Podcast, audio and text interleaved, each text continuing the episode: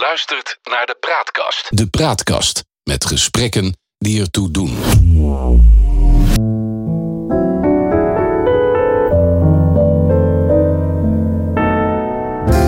Welkom bij de Praatkast.nl. Dit is een aflevering van het Geheugenpaleis. Mijn naam is John Knierim en samen met Han van der Horst maken we deze podcast.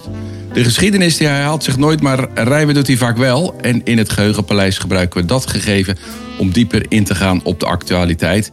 En zo proberen we aan de waan van de dag voorbij te gaan. En tussen beiden blijkt dat de werkelijkheid vaak genoeg elke fantasie te boven gaat. Dag Han, de oorlog eh, in de Oekraïne is nou een paar weken aan eh, de gang. En eh, we gaan er langzaam aan wennen, lijkt het wel. Ja, tenminste, ik heb de neiging om niet meer de hele dag de televisie aan te hebben of de radio. ik zie het wel gebeuren. Er zitten ook niet meer van die grote nieuwe ontwikkelingen in. Je krijgt elke ochtend een bericht over bombardementen van flatgebouwen.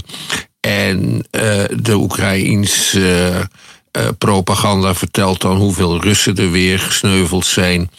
Uh, we worden geconfronteerd met uh, propaganda en een aangepaste waarheid, laten we het zo zeggen, van beide partijen. Dat maakt het heel moeilijk om iets anders te zeggen dan dat de gewone burger er weer het slachtoffer van is. Ja, het zijn uh, verschrikkelijke beelden die natuurlijk uh, elke keer op de tv vertoond worden. maar, ja, maar vertel eens, je bent net terug uit Brazilië. Zijn de mensen in Brazilië ook zo vol van die oorlog? Nou, uh, als je de tv uh, daar kijkt, uh, de nationale tv, vooral Globo, wat een van de grootste tv-kanalen van Brazilië is, dan is op alle journaals gaat het eigenlijk alleen daar maar over, waar beelden continu herhaald worden en waar er ook allerlei analyses gemaakt worden. Ehm, als je de Braziliaan in de straat spreekt, uh, dan, dan, dan ja, tonen ze wel enige bezorgdheid. Maar het is toch vooral een ver van mijn bedshow. En ze reageren eigenlijk net zo op de oorlog als uh, de wijze waarop wij reageren op een oorlog die bijvoorbeeld in Mozambique zich, zich voordoet. Waar op dit moment verschrikkelijke dingen aan de gang zijn, wat maar weinig Nederlanders weten. Waar een huurlingenleger de, de, de islam extremisten probeert uh, een, een slag toe te brengen. Ja, en wij gaan gewoon door met hoe het altijd was. Aan de andere kant moet je ook vaststellen dat de Brazilianen op dit moment wel lijden aan ook de prijsstijgingen. Dat doet het. Er zijn altijd behoorlijke prijsstijgingen. In, de inflatie is altijd hoog in Brazilië.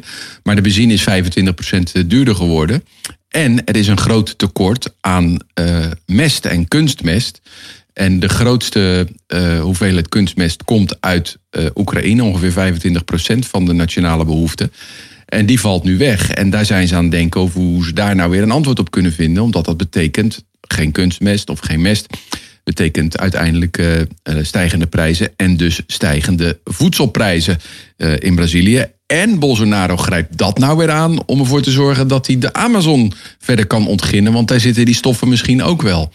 Dus ja, dat is, uh, weet je, het hemd is nader dan de rok. Als het de portemonnee raakt, dan raakt het de mensen wel. Ja, ja. wat vind je daarvan als ik dat zeg? ik denk dat je daar gelijk in hebt, John, maar ik zou er nog eens wat aan toevoegen. Dit is buitengewoon slecht nieuws voor de Nederlandse landbouw. Want de vee uh, stapel is voor een gedeelte afhankelijk van allerlei uh, voedingsproducten, zoals soja uit Brazilië. Als daar niet kan worden gemest, dan gaan de prijzen van die soja geweldig de hoogte in. En dat betekent dat ons vlees onbetaalbaar is. Die oorlog heeft meer gevolgen dan ja. je op het eerste gezicht en in de eerste drie weken denkt. Als hij tenminste niet snel ophoudt. Eigenlijk denk ik, ja, het is, het is eigenlijk maar een redelijk klein conflict als je het op wereldschaal bekijkt. Hè wij vinden het in het Westen natuurlijk wel heel groot.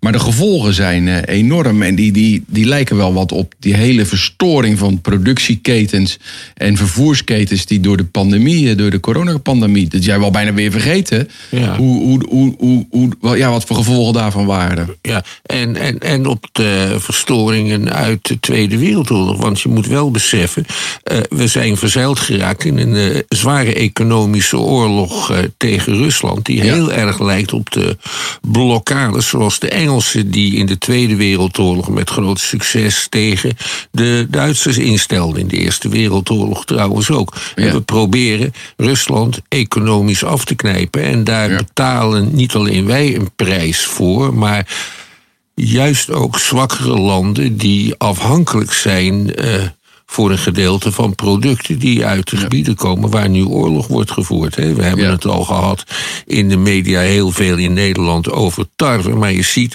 dat er met dat kunstmestgebrek. Uh, ook uh, heel wat uh, gevaren zich voordoen. Dat heeft overigens een beetje te maken met het volgende. De wereldbevolking is de afgelopen decennia ontzettend gestegen, maar de voedselproductie ook. En dat komt omdat er nieuwe variëteiten zijn ontwikkeld op grote schaal en in de hele wereld en vaak met westerse hulp, die veel grotere opbrengsten garanderen. Ja. Eh, maar dan moet je ze ook veel meer mest geven. En de kunstmestprijs is voor boeren in Afrika, maar ook in Zuid-Amerika, van het allergrootste belang. Weinig kunstmest, weinig oogst, veel honger. Ja, wat je dus eigenlijk zal gaan zien als gevolg van, van wat er nu aan de, hand, uh, aan de hand is, is dat landen of, of ja, machtsblokken proberen meer autarkisch te worden. Dus dat ze proberen alles wat essentieel is voor hun, uh, hun economie en hun maatschappij in eigen hand te produceren. Uh, ik hoorde ook dat uh, pas onlangs Intel heeft besloten een hele grote chipfabriek in Duitsland neer te gaan zetten. En die weg te gaan halen uit Taiwan vol, volgens mij. Dus en, en, en in feite is, is Poetin ook bezig. En hij wordt daar nu toe gedwongen door de sancties om autarkisch te worden. En dat geldt in meer en mindere mate ook voor, voor, voor China. Toch geen, geen heel prettig vooruitzicht lijkt me allemaal, toch? Nee, dat uh, leidt alleen maar tot, uh, tot meer isolement en ja. tot meer armoede. Dit is overigens wat ik nu vertel, een soort wereldideologie die al uh, twee eeuwen oud is en een politiek verschil dat al twee eeuwen oud is. Aan de ene kant heb je mensen die geloven in de vrijhandel. Dat zijn uh, liberalen en geestverwanten van liberalen, zoals ja. sociaal-democraten al iedereen moet, moet vrij alles kunnen verkopen in de hele wereld. En de andere partij is voor bescherming van de eigen nationale markt. En die denkt ook meer in termen van. Uh, autarkie. En dat is, dat is een politieke scheidslijn die loopt al twee eeuwen uh, door in ieder geval alle westerse landen heen. Um, ik denk wel eens bij mijzelf bijvoorbeeld, uh, het Europese landbouwbeleid zou maar één prioriteit moeten hebben. Europa moet zich te alle tijden zelf kunnen voeden. En op basis daarvan moeten boeren subsidie krijgen en niet op grond van andere argumenten. Maar dat is. Maar dat is het is toch de oorsprong van de, van de Europese gemeenschap. Juist eh, door het gebrek aan voedsel ten tijde van de Tweede Wereldoorlog. is een van de belangrijkste drijvers geweest eh, van de oprichters van de Europese gemeenschappen. Om ervoor te zorgen dat er geen honger meer was. En daar ja. zijn die landbouwsubsidies uit voortgekomen. Die overigens ja, eh, eh, bedragen, eh, zulke hoge bedragen zijn die in deze tijd, kan je afvragen, nog wel realistisch zijn. En waar Frankrijk heel veel van profiteert. En waar elke Nederlandse boer van profiteert, die om te beginnen van het jaar al 40.000 euro op zijn bankrekeningen bijgeschreven aan, aan allerlei uh, subsidies om ervoor te zorgen dat ze in de lucht gehouden worden. Ja, en dat ja. gaat alleen maar om ze in de lucht te houden. Ja. Ja, het idee is oorspronkelijk afkomstig van een Nederlander die landbouwsubsidies invoeren. En dat was Mansholt, de minister van uh, Landbouw in Nederland van vlak na de Tweede Wereldoorlog. Een geheide PVDA. En die geloofde in grootschaligheid. Ja. Ja, daar is de Boterberg en de Melkplas uit voortgekomen. Uiteindelijk als, als een heel extreem voorbeeld van hoe het niet zou moeten, denk ik. Maar ja, dat is achteraf makkelijk vast te stellen. Maar ondertussen ja, uh, lijden de mensen in, uh, in Oekraïne natuurlijk op een vreselijke manier. Ik vind wel dat, dat als ik dat allemaal zo volg. en ik wil niks afdoen aan de verschrikkingen die er zijn. en aan de misdaden die daar gepleegd worden, met name door de Russen. Um, uh, ik vind dat wel in de berichtgeving eigenlijk het hele perspectief een beetje ontbreekt. Het, betere, het grotere geheel. Waar hebben we het hier nou over? En, en ook een, een, een weinig gebrek voor de, voor de visie van, uh, van, van, van Poetin in het, in, in het hele gebeuren. En natuurlijk is hij de agressor, daar wil ik niks aan afdoen. Ook, ook zo'n Rutte die heeft uh, in het debat aan de Tweede Kamer geroepen. Ja, dat we, dat we een, een, een, een pagina in het boek van de wereldgeschiedenis hebben omgeslagen. Laten we even naar hem luisteren. Met de Russische inval in Oekraïne is een pagina in het boek van de wereldgeschiedenis omgeslagen. Voor ons waren vrede, vrijheid en veiligheid generaties lang een gegeven. En die vanzelfsprekendheid die is er vandaag niet meer. Dat zijn uh, grote woorden die uh, onze premier uh, daar bezigt. Maar wat mij betreft heeft hij een enorm pakboter op zijn hoofd. Ja, bovendien is het onjuist. Want we hebben helemaal niet 75 jaar vrede en veiligheid nee. op deze wereld achter de rug. Dat geldt voor Europa. En als het om vrijheid gaat, geldt het vooral voor West-Europa. Oost-Europa proeft pas enkele decennia aan de vrijheid. Uh, dus wat Rutte hier doet, en dat is gevaarlijk. Uh, hij ziet Europa voor de wereld aan, maar de wereld is veel groter. Precies, ja. De helft van de wereld doet mee aan de boycott van de Russische economie. De andere helft dus niet. En dat is een belangrijke constatering. Ja. Ook weten we niet of er werkelijk een uh, bladzijde in de wereldgeschiedenis is uh, omgeslagen. Als dit over drie weken tot een einde zou komen, valt het misschien wel mee. En ja. er was ook al zo'n bladzijde omgeslagen toen de coronacrisis uh, ja. uitbrak. Meestal uh, zien de tijdgenoten dat verkeerd. Maar wie weet is er wel een bladzijde omgeslagen en gaan we inderdaad een ijzeren eeuw tegemoet als ja. Europa. Is de grote ondergang van het Westen begonnen en de grote verarming en krijgen we na twee eeuwen imperialisme onze trekken thuis? Dat zou kunnen. Ja, maar je zou je kunnen ook kunnen afvragen of die pagina niet al gewoon een aantal jaar geleden is omgeslagen met, met wat Poetin in Georgië heeft gedaan, wat hij in een aantal andere staten die tot de voormalige Sovjet-Unie behoorden, heeft, heeft gedaan. Is het toen niet al begonnen? Is het eigenlijk niet al terug te voeren op wat Poetin een aantal jaren, geloof mij was het in 2018, zei. Toen hij zei dat, dat het uiteenvallen van de Sovjet-Unie een, een van de grootste tragedies was uh, uit, uh, uit, de, uit de wereldgeschiedenis. Is toen die pagina niet eigenlijk omgeslagen? En hadden we toen niet beter bij de les moeten zijn? Dan moet je me over tien jaar vragen, dan kan ik je er een reëel antwoord op geven. ja. Nee, maar wat ik bedoel te zeggen is. is we doen nou alsof ons dit allemaal eigenlijk zomaar overkomt. En dat, ik vind het zo bijzonder dat we ons elke keer weer laten verrassen in de afgelopen ja, honderden, misschien wel duizenden jaren. Dit was toch eigenlijk al ja, in de maak, al, al jarenlang, al misschien sinds het uiteenvallen van de Sovjet-Unie. En de westerse arrogantie, de arrogantie van de NATO, het veronachtzamen van. van, van de machtsblokken die er waren. En daar, ja, we hebben het toch ook een beetje aan onszelf te danken in die zin, uh, Han. Uh, ja, op een bepaalde manier wel. Maar ik, uh, ik weet een excuus en dat excuus dat, dat ga ik nu uitmaken of uitleggen. Ja. wij zijn er wel aan gewend geraakt sinds de Tweede Wereldoorlog dat de wereld verdeeld was in machtsblokken ja. die ehm, een eigen maatschappijmodel hadden en dat eigen maatschappijmodel propageerde. Ik had uh, toen ik in een jaar of 18, 16 was in de jaren 60 van de vorige eeuw, een korte golfradio. En die zat helemaal vol met Russische en Oost-Europese radiozenders, die soms ook zelfs in het Nederlands het communisme propageerden. En de Amerikanen en de Engelsen die deden het omgekeerde. omgekeerde. Ja. Dus oorlog en conflict hebben te maken met, eh, met ideologische verschillen. En dat blijkt nu veel minder het geval te zijn. En na de val van het communisme dachten we: wij hebben die ideologische strijd gewonnen.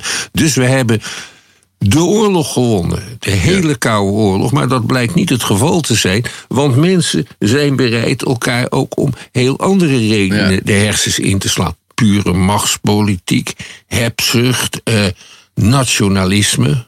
Ja. Er is zelfs toen uh, bij de val van de muur een boek verschenen van Fukuyama heet het man. Dat heet het einde van, Einde de, van de- Ja, van de geschiedenis. Dat Ja. staat, dat, weet je waar hij dat vandaan heeft? Dat heeft hij van Karl Marx. Want Karl Marx vertelde aan het eind van de eh, geschiedenis. Hè, Ja. Die geschiedenis loopt volgens Karl, Karl Marx volgens vaste wetten. En aan het eind heb je het communisme. Dan produceert en consumeert iedereen naar behoefte. En is er geen geschiedenis meer. Ja, Want iedereen is broederlijk bezig. ja. Maar goed, de geschiedenis ging gewoon door. En eh, eh, Rusland richtte zich weer op. En Poetin en, en zijn trawanten hebben ideeën over het herstel van het grote Russische Rijk. En dat is een van de redenen waarom ze Oekraïne zijn eh, binnengevallen, net zoals een aantal andere landen. En ondertussen hebben we in Europa al tientallen jaren lang onze eigen defensie veronachtzaamd. En hebben we zelf allerlei oorlogen gevoerd die op geen enkele grond eh, gevestigd waren. Ik denk maar aan bijvoorbeeld de oorlog in Afghanistan, maar ook wat we in Libië hebben gedaan. Eh, ik begrijp wel dat Poetin denkt van ja, waarom mocht, de- mocht het westerse blok dat allemaal wel en mag ik dit niet? Eh, eh, dus de vraag is of die pagina in de geschiedenis niet veel eerder is omgeslagen, namelijk misschien wel bij het begin van de Afghanistan-oorlog. Dat zou kunnen beginnen, of misschien nog wel nog eerder, bij de Ja. val van de Sovjet-Unie. Ja. Omdat we toen de gevallen Sovjet-Unie zo hebben vernederd. En ons zo hebben verheugd in onze overwinning. En die landen zo erg ons maatschappijmodel hebben opgelegd. Ja. Op allerlei manieren. eh, dat we nu onze trekken thuis krijgen. Weet je Ja. wat het probleem met. eh, Poetin is, hij heeft atoombommen. Dus Ja. je moet voorzichtig met hem omgaan. Dat hoefde destijds met Milosevic in Servië niet. En Nee. dat hoefde ook niet met Saddam Hussein. Wij zeiden wel dat Saddam Hussein, de Amerikanen zeiden wel dat Saddam Hussein atoombommen had, maar die had hij helemaal niet. Nee. Eh, Poetin heeft die wel. Hij is ook bezig om goede relaties te onderhouden met landen die ze ook hebben. Met India had hij al redelijke relaties. En India stelt zich in dit conflict ook erg neutraal op. Hij Ja. is bezig de banden met Pakistan te versterken. Waar men dankzij spionage in Nederland ook Ja, een ja. eigen atoombom heeft kunnen ontwikkelen. Drie atoommachten bij elkaar op een rijtje. En eh, met China onderhoudt Poetin ook goede relaties. Ja, maar tegelijkertijd is het bijzonder natuurlijk dat in de Veiligheidsraad India neutraal was. Ja. Eh, maar het was ook bijzonder dat China neutraal eh, was. Ja, ik denk En- dat, en- dat ze dat zijn omdat ze daarmee het meeste garen kunnen spelen. Ja, ja, ja die, die kunnen nog wel eens uit deze crisis als overwinnaar eh, terechtkomen. Maar, maar hebben we nou in het verleden, als we de geschiedenis induiken, dat, dat politici of staatslieden grote woorden hebben gebruikt over een turning point in history, eh, wat achteraf gewoon bullshit bleek bij- te zijn? Ja, of dat we het zelf dachten. Ik heb Ja. in de jaren tachtig meegedaan aan grote vredesdemonstraties Ja, in ook, Nederland. ja. Met honderdduizenden deelnemers, nog nooit vertoond. En wij dachten, we gaan het per- tijdperk van de vrede tegemoet. En die kruisraketten, want daar waren ze tegen gericht. Dat zijn raketten die overigens nu uitgebreid in de oor- Oekraïnse oorlog gebruikt worden. Maar dan niet met een atoombom eh, in de kop. Eh, die gingen we de wereld uithelpen. En Ja. dat bleek een volkomen irrelevante kwestie te zijn. Dat Ja. was, het was een jaar of acht voor de val van de Sovjet-Unie. Die demonstraties zijn ook vrijwel vergeten. En de mensen dachten ook dat de wereld een nieuwe pagina omsloeg toen in 18... Wacht even, eh, even, even, even, even hierop doorgaan, Han. Want Ja. ik heb ook meegelopen in die demonstratie in, eh, Ja. eh, in, in Den Haag. En wij verafschuwden Reagan eigenlijk op. en dat, ik denk dat voor jou dat ook gold. Dat gold Maar- ook, maar er liepen, wat viel mij ook op, ook heel veel mensen die, die liepen met Russische Ja. raketten rond. Er kwam, er kwam zelfs een hele stoet voorbij, dat was in Amsterdam, meen ik. En dat waren, die, waren, waren, die hadden zich verkleed als Russische eh, soldaten en die voerden Brezhnev in een rolstoel mee. ja, dat is ook Dus, grappig. dus je zag uit het publiek, dus die, die, de organisatie was heel erg anti-kruisraketten, maar Ja. het, het publiek was wat dat betreft veel meer de Russen deugen ook niet. En dat maakten Ja. ze ook zichtbaar in hun eigen huisvleit. Ja. Dat getuigde van politieke volwassenheid. Ja, en, en maar toch moet, moet ik. achteraf niks. Maar ik moet wel vaststellen dat ik, dat ik eigenlijk vind dat Reagan wel een geweldige politiek bedreven heeft. door zelf de bewapening op te voeren. en op die manier de Russen op de knieën te dwingen. Ja, wat we nu eigenlijk ook weer proberen. Hij maakt het zo duur voor de Russen dat hun model niet meer vol te houden was. Precies, precies. En, en ja, in feite zijn we daar nu weer mee bezig. 100 eh, miljard naar defensie eh, in, eh, in, in Duitsland. In Nederland zal hetzelfde gelden. Uh, daar gaat natuurlijk dan weer ja, een, een soortzelfde gebeuren. Maar waarom hebben we eigenlijk Poetin nooit bij de NATO gehaald? Dat wilde die. Ja, of hij dat serieus meende destijds, dat uh, weten we natuurlijk niet. Um, ik heb geen idee. Ik denk dat het een spelletje was uh, van beide kanten. Ja. Ik denk namelijk, weet we bijna zeker dat uh, Poetin helemaal niks voor de NAVO voelde. Dat is een oude KGB-agent, dat is een spion. En dat is iemand die de glorie van Rusland wil herstellen. Ja. Ja. Hey, andere voorbeelden uit de geschiedenis, want daar gingen we het eigenlijk over hebben. Over, waarbij ja, uh, uh, politici toch de plank volledig missloegen. Uh, in 1814 dacht iedereen: oh god, het begint weer. Toen Napoleon, net verslagen, uh, ineens weer opdook in Frankrijk en daar de keizerskroon weer op zijn uh, hoofd drukte. Uh, Napoleon, Napoleon was verslagen. Hij had, was afgetreden als keizer van Frankrijk. Hij had een eilandje gekregen, Elba, wat hij mocht regeren. En Opeens vertoonde die zich weer in Frankrijk, terwijl er in Wenen een heel groot congres gaande was van alle Europese machten om de wereld opnieuw te verdelen. Daar kwam het wel op neer. Hij verscheen daar en als een duiveltje uit een doosje. Iedereen dacht: het is afgelopen met ons. Maar die periode staat bekend als de 100 dagen. Want 100 dagen daarna vond de slag bij Waterloo plaats. En was het echt afgelopen met Napoleon. Dat soort dingen zijn er wel vaker gebeurd in de geschiedenis. Dat je denkt, er gebeurt iets heel belangrijks. En achteraf valt het wel mee. En dat zou met uh, wat we nu meemaken ook wel het geval kunnen zijn. Maar de situatie is buitengewoon onvoorspelbaar. Ja. Zou je ook 9-11 uh, als een situatie kunnen uh, kunnen beoordelen. Het was in ieder geval iets wat net zo onverwacht was als uh, deze escalatie in, uh, in de Oekraïne. Ja. En daar hebben wij betrekkelijk weinig last van gehad in het Westen. Behalve dan dat je veel langer in de rij moet staan bij het vliegtuig. Maar het Midden-Oosten des te meer. Ja, want voor uh, Afghanistan, voor uh, Irak zijn de gevolgen natuurlijk gigantisch geweest. Ja, en ook vernietigend. Ja, ja. Dus in die zin zou je wel kunnen zeggen dat 9-11 een, een majeure uh, gebeurtenis was. Ja, in ieder geval zijn wij een tijdje tijd gaan denken, zijn wij toen gaan denken in het Westen in het algemeen. Er is weer een vijand en die vijand, dat zijn radicale islamieten of dat is de hele islam. Een beetje op die manier. Het valt mij overigens op dat het Midden-Oosten nu zich ook neutraal opstelt. Zelfs Saoedi-Arabië, de trouwe bondgenoot van de Verenigde Staten. Die, er is een grote wapenbeurs geweest in, eh, in Riyadh een paar weken geleden. Waar Rusland aanwezig was. En die hebben daar grote zaken gedaan met de vorsten en de sheiks in die regio. Even onthouden dit. Han, als, als er iets heftigs gebeurt, als een inval van uh, Rusland uh, in, uh, in, in de Oekraïne, dan is het natuurlijk ook gemakkelijk om in verontwaardiging hele heftige woorden te spreken. Is het ook niet gewoon heel erg groot opportunisme van de, van de huidige politici? Ik weet niet of het opportunisme is, maar wat me wel ongelooflijk irriteert, is de clichématige wijze waarop dat gebeurt. In ieder geval door Nederlandse politici die ons iedere keer weer voorhouden hoe blij en gelukkig we wel mogen zijn met onze vrijheid.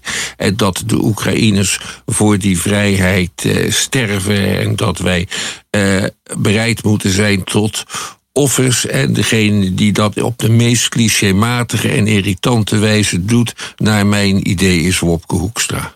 Ja, en dat is onze minister van Buitenlandse Zaken. Die pleit nota bene om, om Finland op te nemen bij de NATO. Ik bedoel, dat getuigt toch van een ongelofelijke domheid en gebrek aan inzicht in, in geopolitieke verhoudingen? Of zie ik dat nou verkeerd?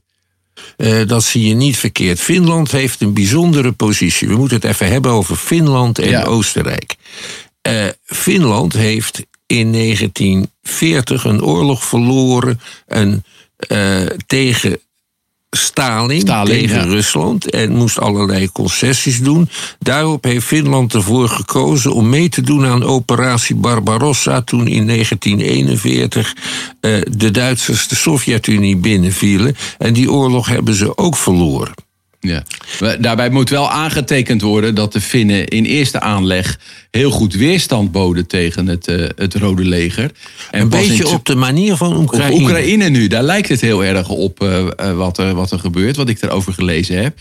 En pas in tweede instantie, toen ze met een tweede aanval kwamen, vanuit, eh, aange- aangestuurd door, door Stalin, zijn ze akkoord gegaan met allerlei eh, concessies. En is het heel lang, ik was, was me in de 70 jaar helemaal niet van bewust, een neutrale staat geweest waar zelfs de regering goedgekeurd moest worden door de Sovjet-Unie. eh. Ja. Het was geen neutrale staat. Het was een, een staat die uitermate hartelijke relaties moest onderhouden met de Sovjet-Unie. In het algemeen was de macht in Finland zelf in handen van een soort centrumrechtse coalitie. En hoeksteen daarvan was goede relaties met de Sovjet-Unie. Daarom kon Finland ook nooit lid worden van de NAVO, maar ook niet van de Europese eh, eh, Unie. gem- Unie. Ja, maar het ja. was geen neutraal land. Ze Nee. noemden het ook Finlandisering in die tijd. Oostenrijk was wel een echt neutraal land, omdat in 19, tot 1955 was dat door de overwinnaars van de Tweede Wereldoorlog bezet. Die trokken zich toen allemaal terug op voorwaarde dat Oostenrijk neutraal werd. En dat was echt neutraal. Dat zat tussen de twee machtsblokken in. Dat was niet gefinlandiseerd, maar ook nergens lid van. En dat is een positie waar Oostenrijk toen eh, behoorlijk van heeft eh, kunnen profiteren. Ja. Ehm, twee voorbeelden van, van, van, eh, van landen. Maar als je nou gaat kijken naar, naar hoe Europa zo na de val van de muur zich ontwikkeld heeft. Dan, dan, dan moet je toch vaststellen dat allerlei landen in de westerse invloedssfeer terecht zijn gekomen. eh, die daarvoor gekozen hebben.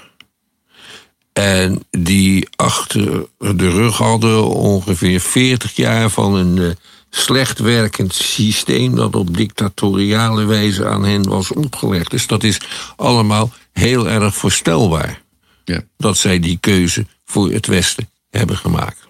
Nou, we moeten het eh, daar op dit moment eh, bij, eh, bij laten. Het is goed om in de volgende aflevering eens in te gaan op hoe dat ging. Het, het, het zich laten knechten 40 jaar lang door eigenlijk Rusland en hun keuze om bij het Westen te gaan eh, behoren.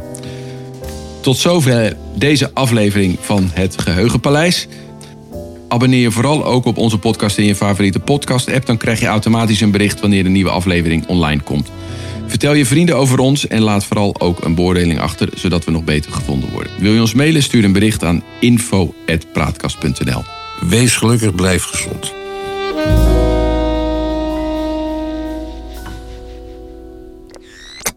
De Praatkast.